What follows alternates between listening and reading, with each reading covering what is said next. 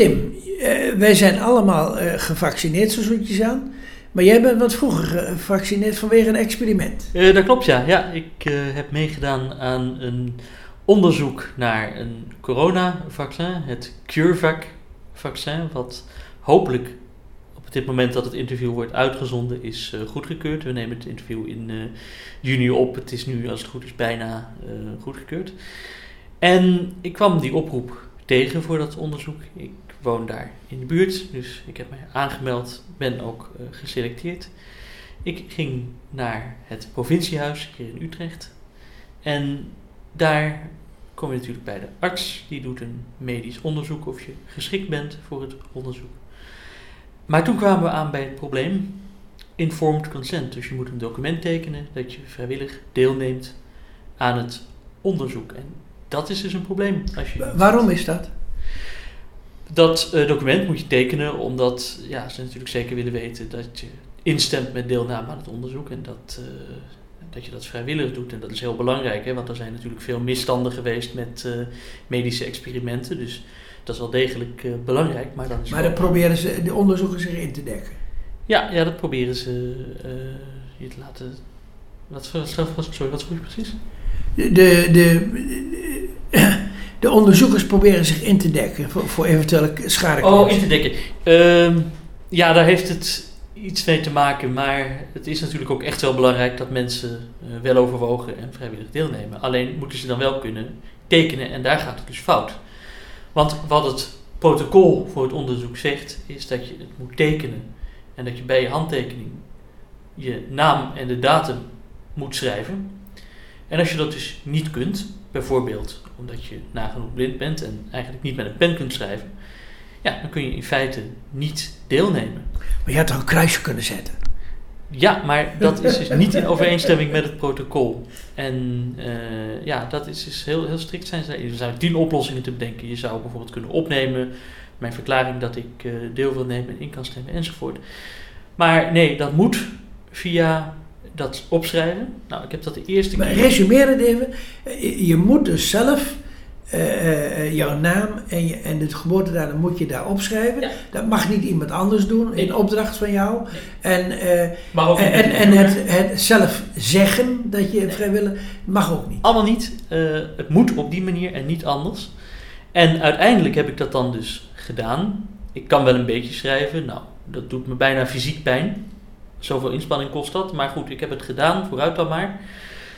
Um, en nou, toen hebben we het onderzoek twee injecties gekregen met ofwel het echte vaccin ofwel het placebo. Hè, dus het uh, ja, medicijn wat uh, niks doet. Zo werkt zo'n medisch onderzoek. Uh, en toen kwam ik de derde keer voor bloedafname, want dan willen ze natuurlijk weten, zijn er ook antistoffen aangemaakt. En toen kwam we met het verhaal, ja, we hebben het experimentprotocol iets veranderd. En je moet de veranderingen tekenen, weer op dezelfde manier. Maar nu hadden ze het nagekeken. Als iemand niet goed kon schrijven, dan moest er ook bij het tekenen een independent witness aanwezig zijn. Dus ze hebben uiteindelijk een andere deelnemer van de gang geplukt. Dus een, iemand, je moet een begeleider hebben die dat voor jou doet? Nou, een getuige, hè, een witness. Dus iemand, uh, niet die het voor mij doet, nee, die bevestigt dat ik het zelf doe en dat ik instem. Omdat blijkbaar mijn handschrift niet goed is of wat dan ook. Het protocol zegt dus dat iemand die niet of niet goed kan schrijven, is mij ook niet helemaal duidelijk dat daar dus een, een getuige bij moet zijn. Iemand die dus wel kan zien en kan schrijven, die kan dus wel zijn eigen beslissingen nemen, maar bij mij moet dat bevestigd worden door een onafhankelijke getuige. Maar dan, maar dan word je min, min of meer beschouwd als onvolmondig. Uh, daar komt het uh, wel op neer. Ja, het, het, in ieder geval voelt het zo. Hè. Kijk of het zo bedoeld is, dat, dat is natuurlijk een tweede vraag, maar het voelt zeker zo, ja. Dus ik moest dat tekenen en ook het oorspronkelijke ding wat ik al getekend had, ook nog een keer in aanwezigheid. Dus twee keer, de drie, drie keer geloof ik dat het was. Nou, ik was helemaal uitgeput. Nou, gaan we door. Nu kwam ik vorige week de vierde keer. En toen zeiden ze, ja meneer, we hebben weer een verandering aan het protocol. Wilt u weer tekenen op diezelfde manier? Nou, zijn ze nog eens goed nagegaan of ze echt niks aan konden doen? Nee, ik kon echt niet, want protocol zegt En uh, ja, toen ben ik er toch maar uitgestapt, want ik had geen, uh, geen behoefte meer om weer. Uh, maar als ik er aan mee had gedaan en ik was niet onvolmondig verklaard zoals jij, ja. dan was ik bij de vierde keer er ook uitgestapt. Want dat gezeik, dat, ze moeten maar direct even een goed formulier maken. Ja, nee, ja, natuurlijk. Het is op een gegeven moment is, is dat ook nog iets hè, van moet je iedere keer. Maar goed, dat zijn dan kleine veranderingen en ja, ze willen zeker weten dat je die gelezen hebt kan het me ergens voorstellen. Maar inderdaad, het is. Uh, hè, want het probleem is dat het onderzoek natuurlijk ook steeds verandert, juist omdat het zo'n bijzondere situatie is. En, hè, dus dat kan ik me nog voorstellen. Maar er moet gewoon een goede manier zijn om dat te tekenen. En dat kan met een videoboodschap of met uh, weet ik veel wat. En waarom dit zo belangrijk is, waarom dit zo erg is, dat dus in feite blinde deelnemers worden uitgesloten van het onderzoek. Nou, genoeg of het in ieder geval heel erg moeilijk voor ze wordt gemaakt.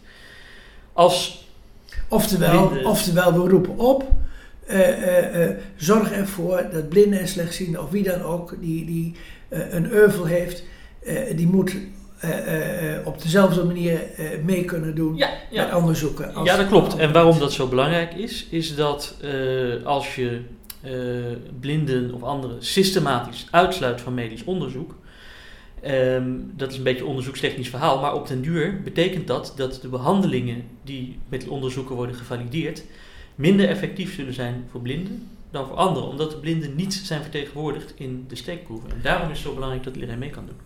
Alhoewel eh, dat in de praktijk ook heel veel gebeurt, want veel onderzoeken die, die worden gedaan op mannelijke studenten. Ja, en, uh, en daar zijn vrouwen min of meer ook uitgesloten en ouderen. Vrouwen worden het ook moeilijker. Klopt, en, en, soms zijn er medische redenen. Bijvoorbeeld bij vrouwen die moeten worden uitgesloten, soms vanwege zwangerschap en die wordt het dan ook moeilijker gemaakt. Kijk, als er een medische reden is waarom dat echt moet, dan kan het misschien soms niet anders. En, en, blinden zullen niet aan alle onderzoeken deel kunnen nemen. Als je reactiesnelheid moet worden gemeten, dat kun je wel zonder op een niet-visuele manier doen. Maar ja, dan ben je anders dan de andere deelnemers. Dus er zijn soms goede redenen.